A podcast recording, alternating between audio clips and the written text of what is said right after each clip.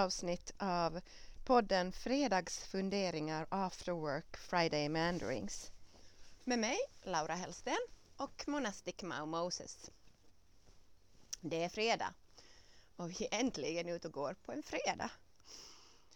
Dagens avsnitt um, tänkte jag att skulle spinna lite vidare på um, temat vad inte vad vi kan göra, men kanske också vad vi kan göra, men speciellt vad jag har lärt mig um, under den här coronapandemiperioden. Så samma tema som vi hade när den senaste svenskspråkiga programmet bandades in. Uh, nu har det ju gått nästan två månader sedan hela den här situationen började. Um, det är på, om en vecka så är det ju um, två månader sen Finland um, och inte bara hela världen hamnade in i en pekuliär och intressant uh, annorlunda ny situation. Och jag tänkte reflektera lite kring det. Um, det jag tycker är fascinerande, uh, sådär bara på ytan, är ju att um, precis som jag då i början så fanns det många andra som skrev eller eh, uh, berättade om alla möjliga saker om hur det skulle kunna bli och vad vi skulle kunna göra och möjligtvis um, vad som är bra att göra under perioden um, som vi faller in i. Um, liksom, och jag menar en del av de där sakerna är bra för det är praktiker, övningar som, som folk har, har samla på sig under en livstid uh, och som de tänker att kanske kan komma till nytta just nu. Um, så det, jag har ingenting emot, uh, precis som jag själv också varför jag gav mig in i att, att överhuvudtaget dela tips och råd handla om det att, att jag ser att vi kan hjälpa varandra genom det här uh, genom att dela beprövad kunskap. Um, men det som händer det som kräver mer tid och reflektion är ju att kunna säga någonting mer bestående om vad är det de facto eh, vi lär oss och vad som händer och vad som sker i en sån här period. Um, och det jag tycker är fascinerande är alltså att typ förra veckan så börjar jag se mer och mer inslag av den sortens um, artiklar, funderingar, um, delanden. Den sorten alltså som inte kommer från ett direkt eh, marketingföretags eh, be your best self-jag eh, jag utan den sortens tankar och texter som kräver mer tid. Som inte är bara dina åsikter eller eh, snabba tankar utan som kräver en mer bearbetning. Och det är ju det som, som så att säga jag åtminstone upplever att e är filosofins och teologins viktigaste uppdrag uh, här i världen, inte bara på akademin, men framförallt i världen, det är ju att kunna åter um, det är att kunna formulera um, någonting som är mer bestående. Och det kanske inte är riktigt ännu tid att göra den sortens Eh, argument som är riktigt hållbara eller som har kommit, kommit väldigt, väldigt djupt ännu. Men två månader säger ändå lite. Så det är vad jag vill så att säga eh, sikta mot just idag och just med det här avsnittet. Och en av de sakerna som, som jag då har märkt eh, och det här är nu väldigt mycket från mitt eget perspektiv Uh, kom, vi far hit. Kom. Kom Moses. Så, ja. Um, det är ju det att jag är förvånad. Och jag, jag, jag, tycker det är intressant att jag faktiskt är förvånad över det mest av allt. Um, att um, i min arbetsgemenskap som jag delade för två månader sedan eh, beslöt vi ganska snabbt ganska tidigt eh, att ha eh, gemensamma kaffestunder om morgnarna. Um, och det intressanta med de här kaffestunderna är ju att de, eh, de har varit en del av kulturen, ehm, av traditionen i den teologiska arbetsgemenskap som jag har varit delaktig i. Till och med till den mån att när jag började mina doktorandstudier för mer än, ja, mer än sex, sju år sedan kanske det började vara, jag minns inte exakt. Um, I vilket fall, så när jag började de studierna så var det egentligen det enda kravet som ställdes på mig var att jag måste vara närvarande i Åbo för att kunna få finansiering och, och studier. Um, jag behöver inte, jag behövde inte vara närvarande för att kunna börja uh, forska men för att få den finansieringen som jag hade möjlighet att få så krävde det att jag skulle vara närvarande. Uh, och det viktigaste med det var alltså att jag uh, ex, dök upp varje vecka på våra kaffestunder. Det här var vår gamla professor Tage Kurténs liksom grundläggande princip. Det viktigaste i akademiska gemenskaper är den sociala samvaron och den sociala samvaron framförallt då som sker i det informella. Det tog sig uttryck både i de här kaffestunderna eh, där vi träffades klockan 10 och klockan 3 varenda eviga dag ehm, för att sitta en stund tillsammans. Men det tog sig också uttryck i det som då ännu var möjligt det första året eh, men sedermera har tagits bort från akademins eh, möjligheter. Det vill säga att alltid när vi hade seminarier Eh, så ordnades det både möjlighet för oss att äta lunch och middag tillsammans. Det var alltid, seminarierna var alltid organiserade i fler, flera dagar efter varandra och eh, det absolut viktigaste var att vi då umgicks med varandra i de här informella konstellationerna. Att vi också firade lite tillsammans, att vi, att vi funderade um, utöver den stunden som vi läste texter eller kommenterade varandras texter. Att vi umgicks och lät liksom tankarna eh, få födas och få gro och få utvecklas i dialog med varandra. Och speciellt den här senaste tiden har jag funderat jättemycket på det för att det är någonting som jag saknar i viss mån. Alltså i viss mån så var det ju exakt det som hände under vår feministfilosofikonferens och reflektionerna som har kommit tillbaka efter den konferensen till mig så innefattar just det här elementet. Folk är oerhört tacksamma för att de fick spendera flera dagar i sträck med rikliga middagar och luncher och tider tillsammans. Det är liksom det mest värdefulla som den här um, tiden gav. Förutom såklart att det var hög kvalitet på själva presentationerna. Det var väldigt många tacksamma över också. Men mycket tacksamhet fanns gentemot det här informella. Um, så det är en dimension av det. Men en annan som jag märker nu är just det att, att på den tiden fanns det alltså en tydlig kultur av att varför vi kommer samman, är inte för att kritisera varandras texter per se för att skapa någon sorts slutprodukter och producera en massa artiklar och så vidare. Eh, utan det är att hjälpa varandra att tänka bättre tillsammans. Och det gör vi bara tillsammans.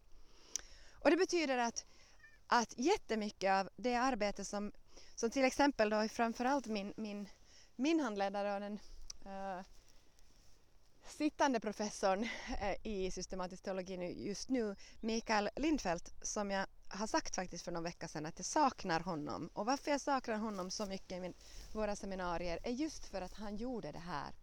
Han hade en kapacitet att kunna fånga upp vad är det som någon som har skrivit den här texten egentligen är ute efter. Vad är det den människan vill säga? Vad är det den människan försöker komma åt? Och sen så kunde han ställa frågor och läsa det eh, inte från är det här rätt eller fel, håller jag med eller inte, utan om det där är det du önskar göra, hur kan du göra det så att det blir så bra som möjligt? Det fanns hela tiden en liksom förmåga att, att, och vilja att engagera sig i att tänka bättre tillsammans med någon. Och det där är någonting som jag märker att, eh, att saknas i viss mån um, i de gemenskaper som, som nu uppstår på nätet. Och, och jag, jag, kan tänka mig att det handlar delvis om um, det att det då inte finns det här sociala umgä umgänget.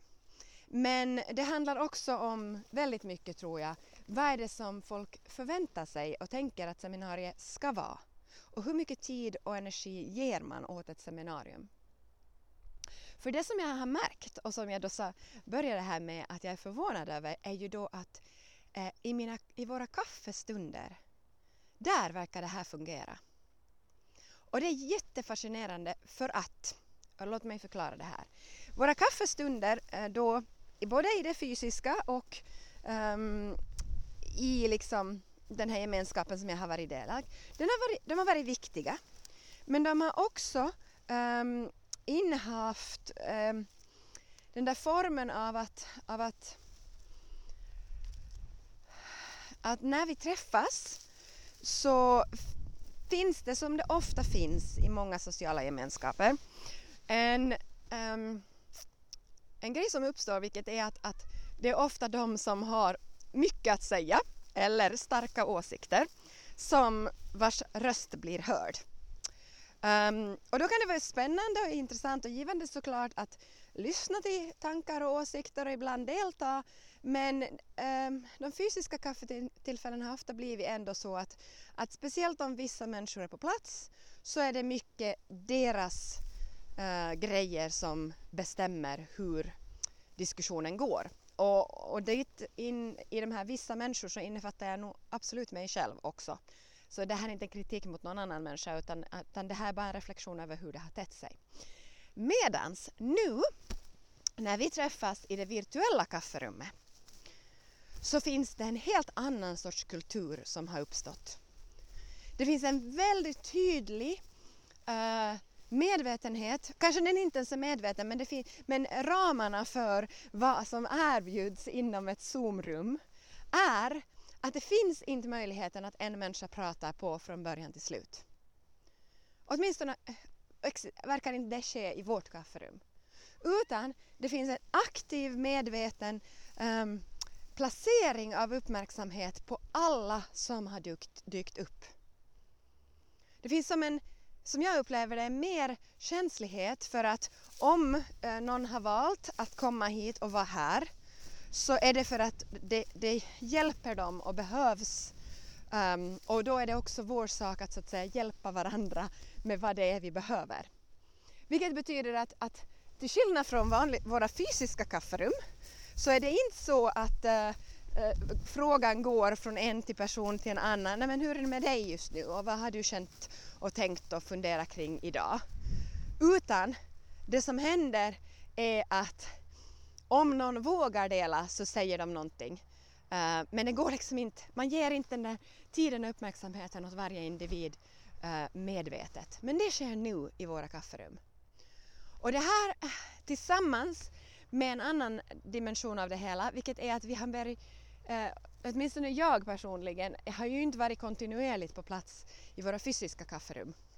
Fysiska. Av många olika orsaker. Det handlar om arbetsrutin och det handlar om tidsanvändning och det handlar om andra saker um, där vi går om varandra. Men nu när vi har det här ena kafferummet en tid uh, tillsammans och det inte beror på ifall jag har hunnit cykla in till stan eller inte utan jag kan ha det här samtalet antingen ute med Moses eller inne ännu i min böne kammare eh, så, eller på gården med min kaffekopp. Så vad det möjliggör är det att, att vi har liksom kontinuerligt, åtminstone vissa av oss, verkligen varit samma människor på plats genom de här två månaderna. Och det som har skett är att det har uppstått en dialog som inte bara är mer personlig och mer um, uh, allomfattande utan också fördjupat. Vi har verkligen med de här människorna som vi har kommit samman med varje dag, hela varje arbetsdag, så har jag känt att jag har lärt känna mina kollegor bättre på de här två månaderna än jag har gjort på de tidigare sju åren tillsammans. För den här dagliga stunden av att lyssna, vad är det som händer, vad har du funderat på, vad önskar du hjälp med, um, uppstår nu i det här rummet på ett helt nytt sätt. Det är som att, om jag ska leka med det här, det är som en blandning av, av att vara på seminarier och um, i den här gamla formen med middagar och um, någonting annat som uppstår. Um, och det, det här är jag fascinerad över. Jag tycker det är jättespännande och jag är också fascinerad över att är det här någonting som uppstår i andra gemenskaper?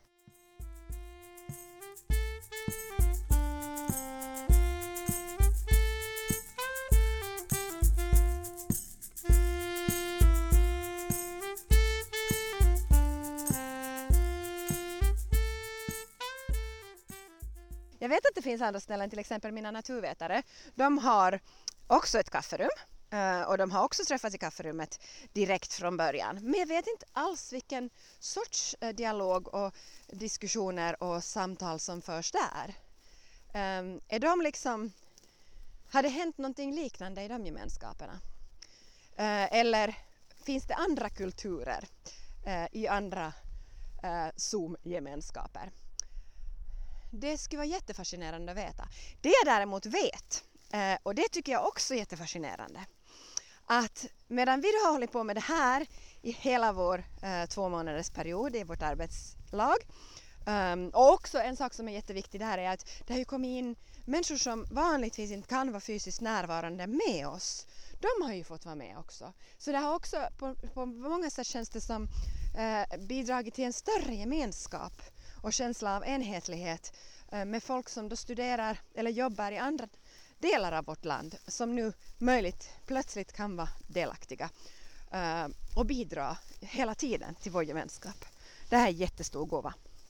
Eh, nåja, men vidare. Det som jag märker är alltså att bland naturvetarna så där har de igen kört på den här strategin att jaha, okej, okay, Um, det finns det här redskapet, nu har vi använt det en viss tid, vi har implementerat det, nu behöver vi utvärdera. Det är som att det finns den konstanta närvaron av att hur kan vi göra saker bättre? Hur kan vi um, få det bästa möjliga utav varje situation? Den sortens tänk. Så efter två månader av användning så har um, då min eh, naturvetargemenskap övergått till att inte bara ha sådana här informella kaffestunder tillsammans utan nu har de också börjat med en ny morgonrutin. Och det är alltså en rutin som handlar om att komma åt en av de sak, dimensionerna av arbetsplatsgemenskap som försvinner när vi inte fysiskt är i samma utrymme. Och det här är då utvecklat Eh, av människor som har levt i så virtuella verkligheter längre eller haft den sortens arbetsplatser med distansarbete en längre period. Och en av de insikterna som då har kommit är att det som fattas i de gemenskaperna som uppstår då eh, på nätet är eh, det att man inte har sporadiska ehm, möten med någon i korridoren man stöter inte i misstag på någon. Uh, och man har därför sällan den här sortens mm, stunder när det är mitt i allt Jaha, hur är det med dig? Vad funderar du på? Uh, och sen så uppstår det i den där dialogen där en sån där um, spontant delande av någonting och kanske också en input som är oväntad och behövlig. Uh, vilket då um, man nu har kommit fram till att att eh, den här bristen så kan man medhjälpa genom att ha, och det här tycker jag är jättefascinerande, eh, ha ehm, liksom planerade stunder av den sortens gemenskapsövning. Och vad jag menar med det här är alltså att det här är ju för mig när jag hör det, när jag hör vad, vad de har eh, gjort och vad de planerar att göra och ska nu börja med. Det låter ju som en klassisk teologisk eh, andlig övning. Alltså, det handlar om att, om att um, uh, ha så kallade ehm, um, lärjunga eller eh, uh, smågruppssamlingar eh, uh, och verksamhet. Där man i då kyrklig tradition eller församlingstradition samlas man ju med en mindre grupp människor. Uh, man kallar det celler eller vad som helst uh, Eh, spiritual formation groups eller så vidare. Men man samlas liksom varje vecka eller varannan vecka och delar liv tillsammans. Så det här är nu den här uh, så här, uh, effektivitetsvarianten av det hela. Um, kom Moses, vi far nu. Här! Moshi! Kom, kom! Här! Kom, vi far hit! Kom, kom! Kom, kom! Kom vännen! Usch! Kom, kom! Vi far upp här. Vännen! Kom, kom! Aha, okej. Okay. Naja, så vad de alltså gör är att de samlas, träffas. Uh, det ska inte ta länge. Uh, du ska vara förberedd med tre stycken frågor som du ska ha funderat på. Uh, den frågan är, vad gjorde jag igår? Vad tänker jag göra idag? Och vad är det som hindrar mig just nu att få sånt gjort som jag vill uh, hålla på med? Och det här så gör de, eh, kommer samman, uh, har, alltså det här handlar om en 15 minuter max, kanske en halv, alltså det är inte mer än, det är absolut inte en halvtimme, utan det är bara de kommer samman i gemenskap, det här är inte någonting som man rapporterar åt sin chef eller någonting, utan de som kommer på plats, de har den här dialogen, berättar först den ena och sen den andra och eh, delar det här korta tillsammans. Och det som var så intressant var att, att eh, mm, professorn som då föreslog att hans alla ehm, alla i hans arbetslag och han har flera olika arbetslag eh, ska börja göra det här tillsammans. Så han sa att, att därifrån som de har fått det här tipset där det har arbetat så här då i större organisation tillsammans så var det jättekonstigt i början. Det kändes onaturligt, det kändes um, ja, en massa olika saker. Uh, men efter att ha lärt sig det här sortens tänk, det här sortens varande tillsammans så har de kunnat konstatera att det är otroligt givande. Och det har verkligen förbättrat liksom, um, inte bara produktiviteten utan framförallt liksom, uh, problemlösningsförmågan och um, Eh, kanske också gemenskapsandan, alltså det här att, att du är inte ensam eh, utan vi gör det här tillsammans. Och ja, jag tycker det här är fascinerande.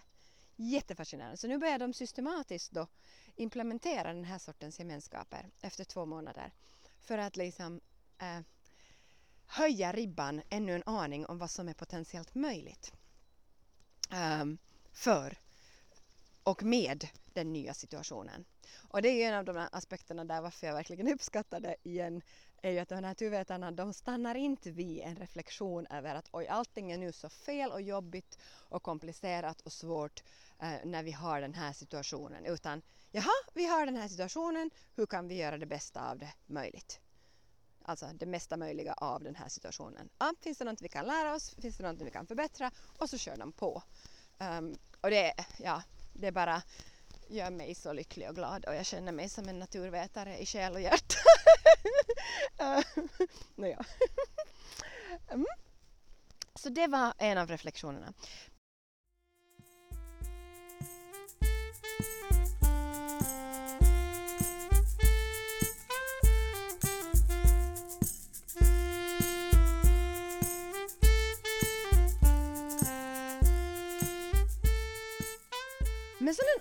Annan dimension av det här att leva i och vara eh, i den här eh, Zoom och eh, social distancing, socialt avstånd eller fysiskt avstånd världen.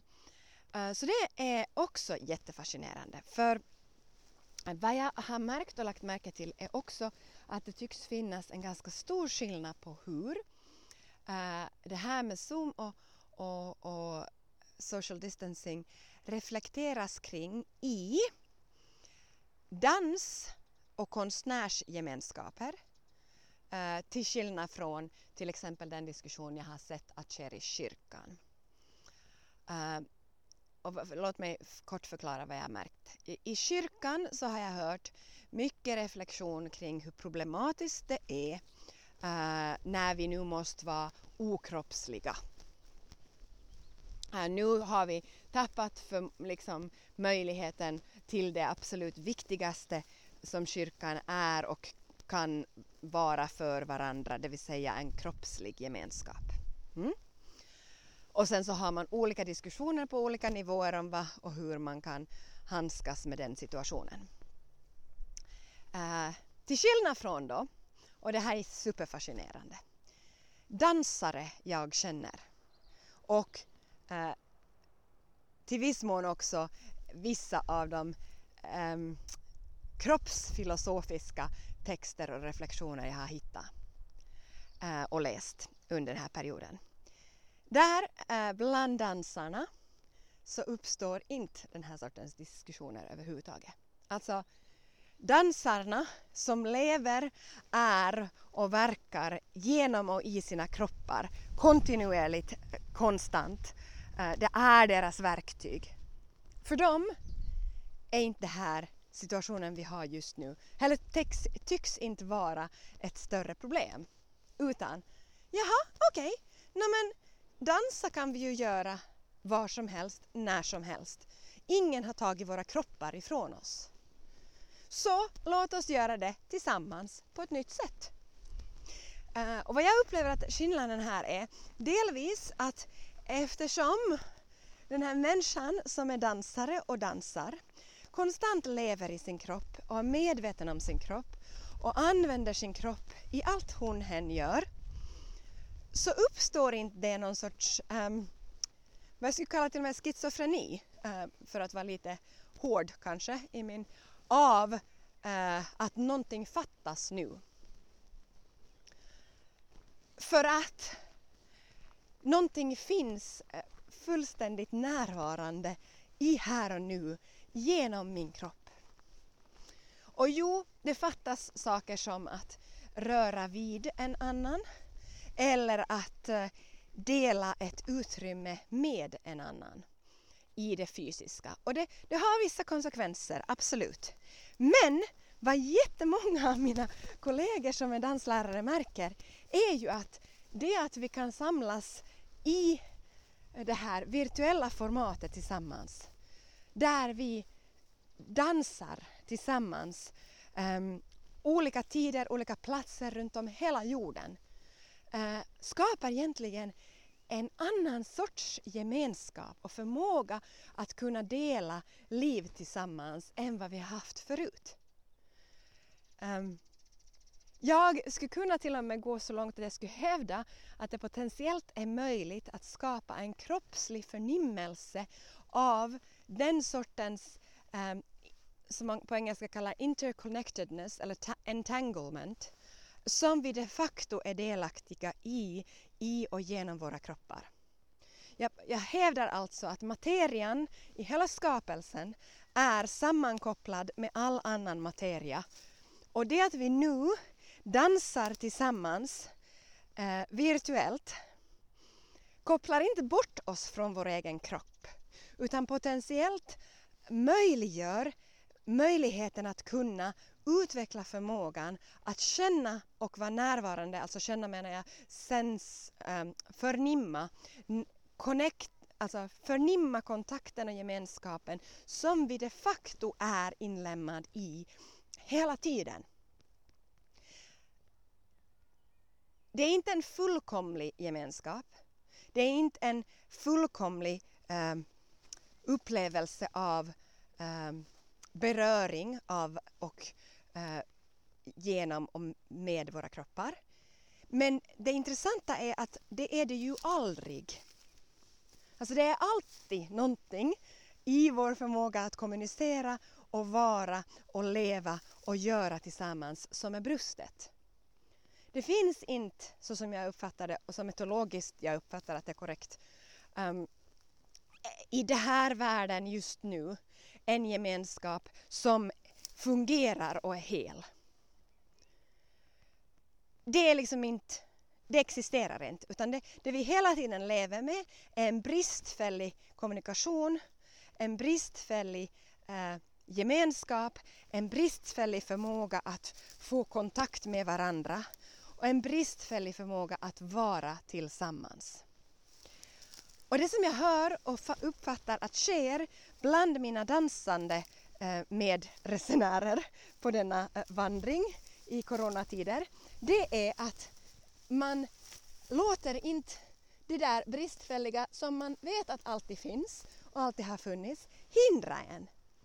Utan man går villigt in i att utveckla, uppfatta och förfina de kroppsliga möjligheter till kontakt som de facto finns. För att jag är en kropp och du är en kropp. Och till och med skärmen är materia och ljudet som vi hör eh, och vibrationerna som kommer via musiken och så vidare påverkar vår materia och är och skapar eh, band till eh, eller eh, eh, eller det skapar inte utan de, de här kontakterna finns men de eh, berör de kontakter som finns. Vi berörs på många olika ytor av vad det är att vara ett jag.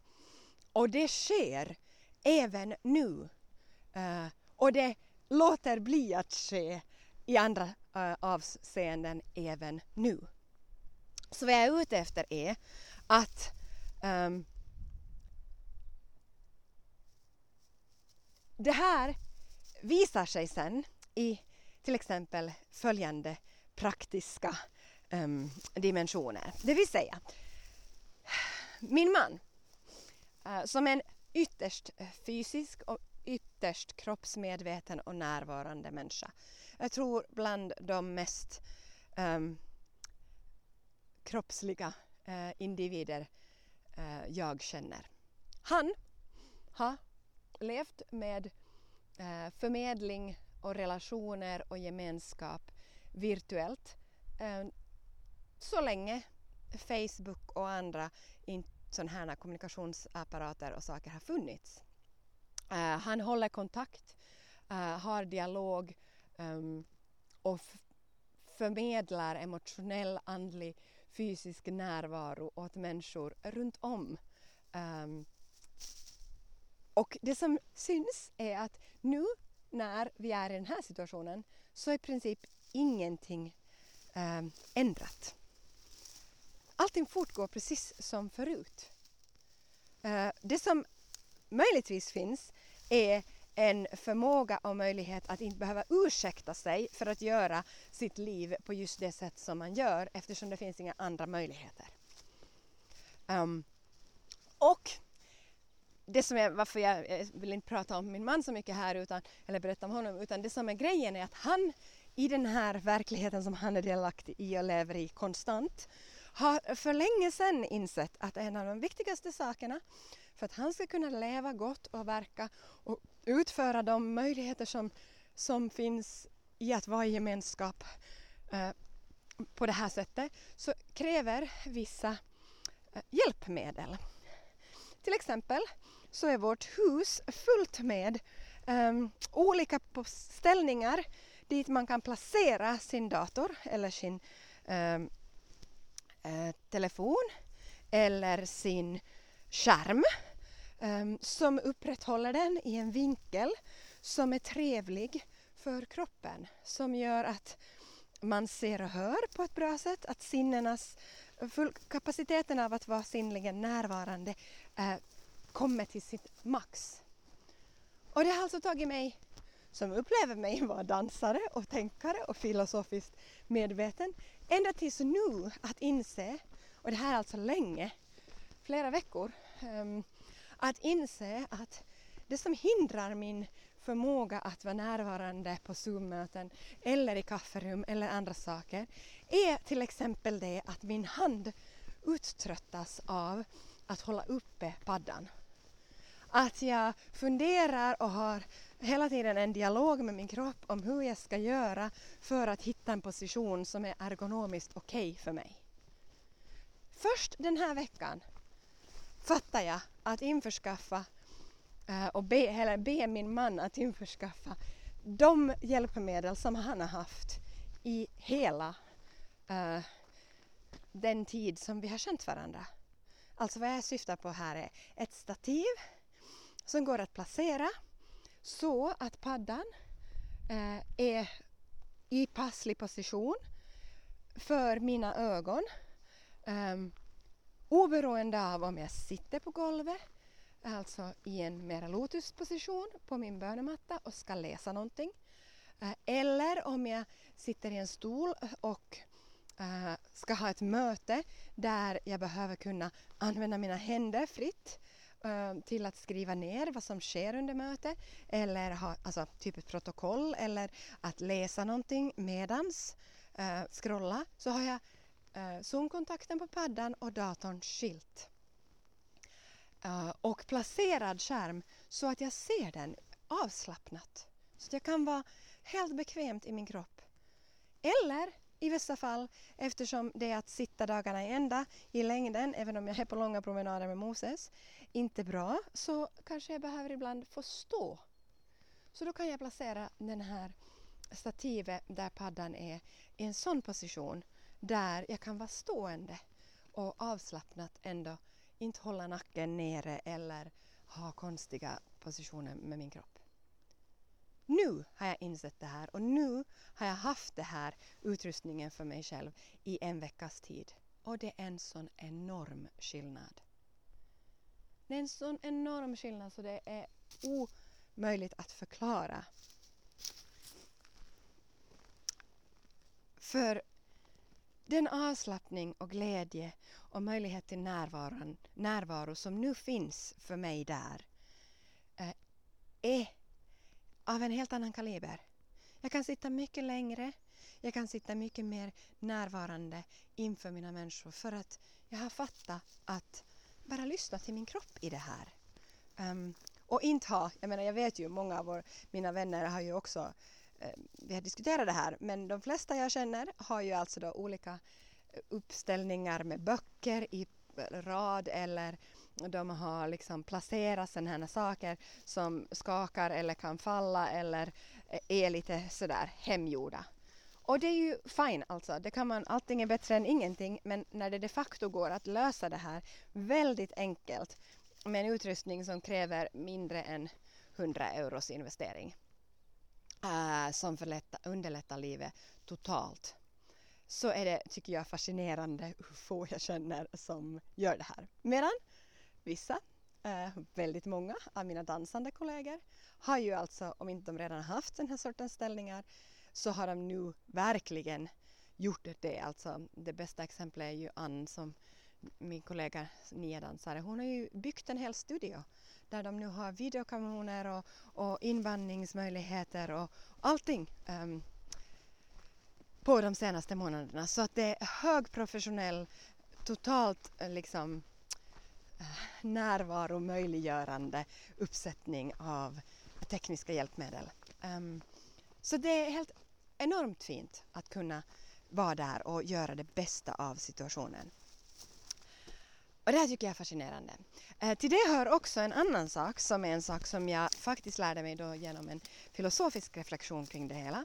Och det är det att vad man nu använder för program, om det sen är Zoom eller någonting annat, eh, så en av de sakerna som gör det hela onaturligt och kan ta jättemycket av ens kapacitet att reflektera och vara närvarande och um, uppmärksamhet är själva skärmen som den ser ut. Alltså. Det som är det mest onaturliga där är inte det att vi förhåller oss med vår kropp till en annan kropp. Och det är det jag menar, att det här jag märker skillnaden mellan dansarna. Vi dansare är vana vid att förhålla oss kroppsligen till en annan kropp. Det är inte det som är svårt, att den där kroppen är där i en skärm um, och att jag inte kan ha kontakt med den. För jag kan de facto ha kontakt med den. I viss mån är min upplevelse till och med att vissa saker som jag har uttryckt redan är möjliga att vara i kontakt med den människan på ett annat fördjupat, till och med i vissa hänseenden bättre plan än när vi fysiskt är i samma rum. När vi fysiskt är i samma rum så hindrar vissa saker oss från gemenskap. Medan det här forumet, jag säger inte att det är bättre, absolut inte, det handlar inte om bättre och sämre, utan jag säger att det här forumet möjliggör vissa sorters kontakt. Det är nu möjligt att kunna vara i gemenskap på ett sätt som inte annars är möjligt. Um, och det finns någonting dolt potentiellt uh, anmärkningsvärt att upptäcka i den här sortens kontakt, den här sortens gemenskaper. Uh, och den, det, det, det upptäckandet är möjligt när vi är medvetna om våra sinnen. När vi är medvetna om vad ljudet gör för oss. När vi är medvetna om vad synen gör för oss. När vi är medvetna om vad kroppen gör för oss. Vad förnimmelserna av välbehag eller obehag eller glädje eller smärta gör i oss. Den sortens eh, förbättrad, eh, förfinad närvaro är möjlig att utveckla i det här nya formatet. Eh, och då så finns det till exempel en sak som man kan göra förutom det ergonomiska eh, kännandet och det är att skaffa sig hörlurar och mikrofon eh, som funkar så att man inte behöver anstränga sig heller på det planet. Eh, speciellt med människor som jag har kollegor runt omkring mig som verkligen har haft problem med hörseln så är det ännu viktigare att hitta eh, ljudlandskap som fungerar.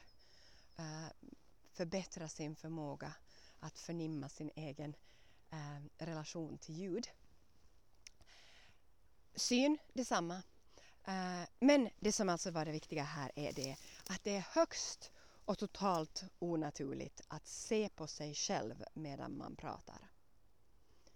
Det är en dimension av verksamheten på Zoom som, eller de andra forumen som de facto vi kan välja bort och det tycker jag är jättefascinerande. Du kan alltså, det finns alltså en möjlighet att ha en inställning där du inte ser dig själv i skärmen utan du ser antingen då den som talar eller så ser du alla i rummet.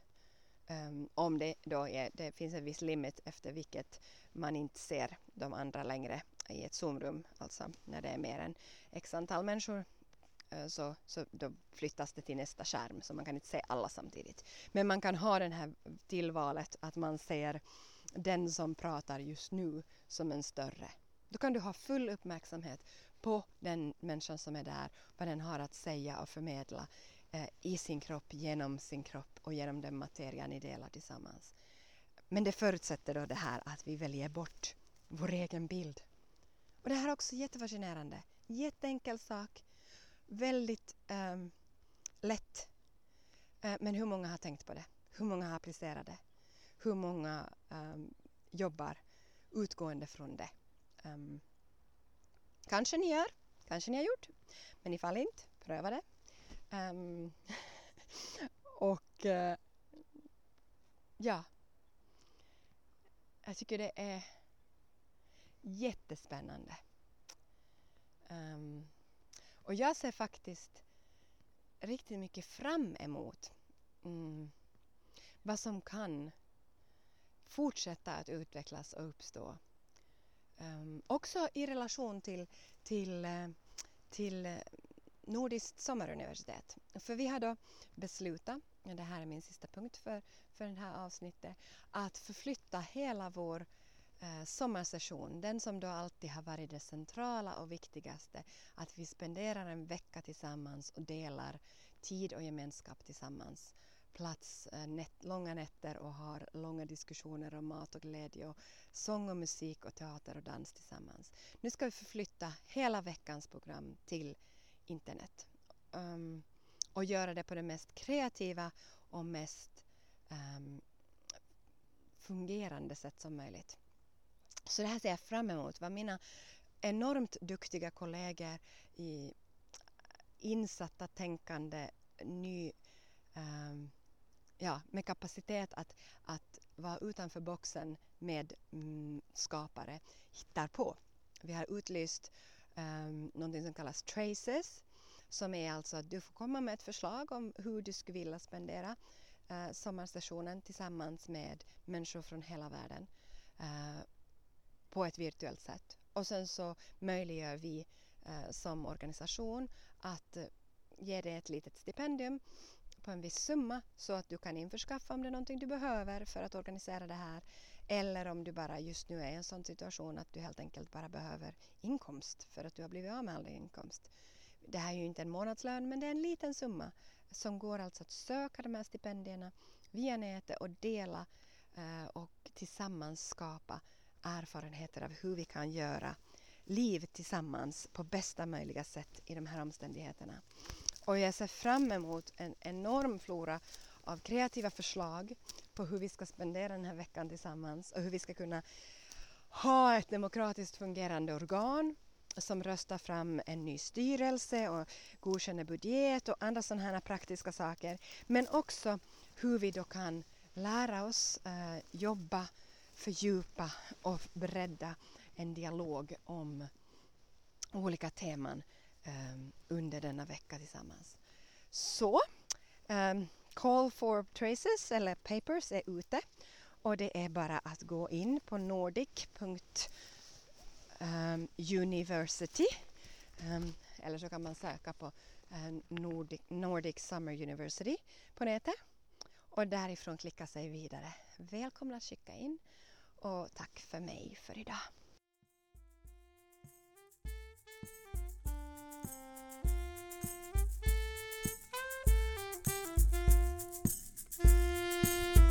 Du har just nyss lyssnat på Fredagsfunderingar After Work Friday Mandarins med mig Laura Hellsten och Monastic Mao Moses. Både mig, podden och Monastic Mao Moses kan du följa på Instagram. Om du blir intresserad av musiken och konsten som presenteras i den här podcasten så kan du följa min man Marcus Hausten. Hans musik hittas på flera olika ställen, Bandcamp bland annat. Och hans interaktiva medier kan du finna på The White Cat and the Monk. Tack och välkommen åter!